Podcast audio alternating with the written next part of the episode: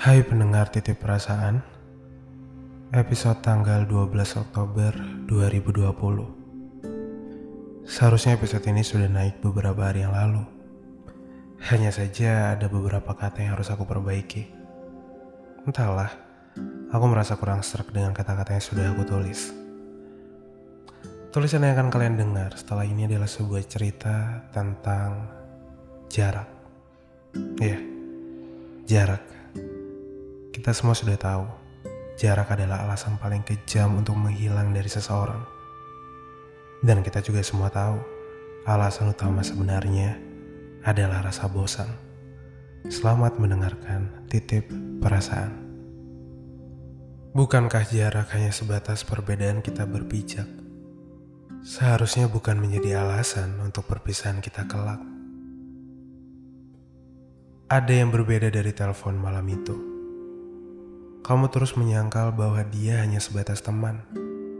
Teman yang mengantarkan, teman pergi makan, teman jalan. Bukankah kita dulu juga sebatas teman yang kemudian memiliki perasaan? Kamu terus berkata bahwa kali ini tidak seperti itu. Tidak mungkin meninggalkan katamu.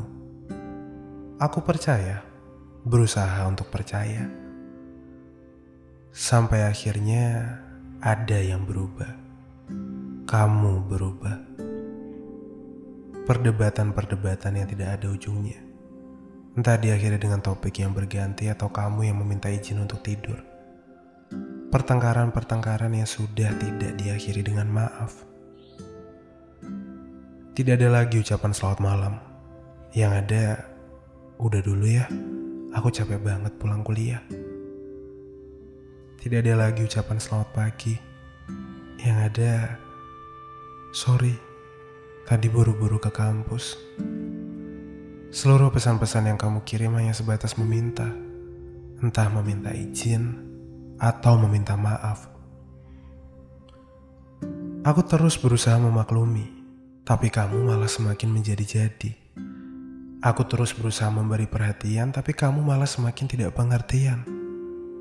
Aku semakin terdiam dan kamu terus saja menikam. Sampai akhirnya ada satu story Instagram yang kamu buat di close friend. Entah kamu sengaja atau tidak. Sebuah tangan laki-laki yang kamu genggam di atas meja di sebuah kafe. Tanpa caption, dengan filter hitam putih. Kamu tidak mengangkat teleponku. Seluruh pesanku juga kamu tinggalkan centang satu.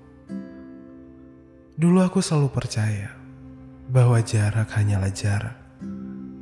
Namun sekarang, jaraklah yang membuatku tidak mampu untuk bergerak. Selamat malam.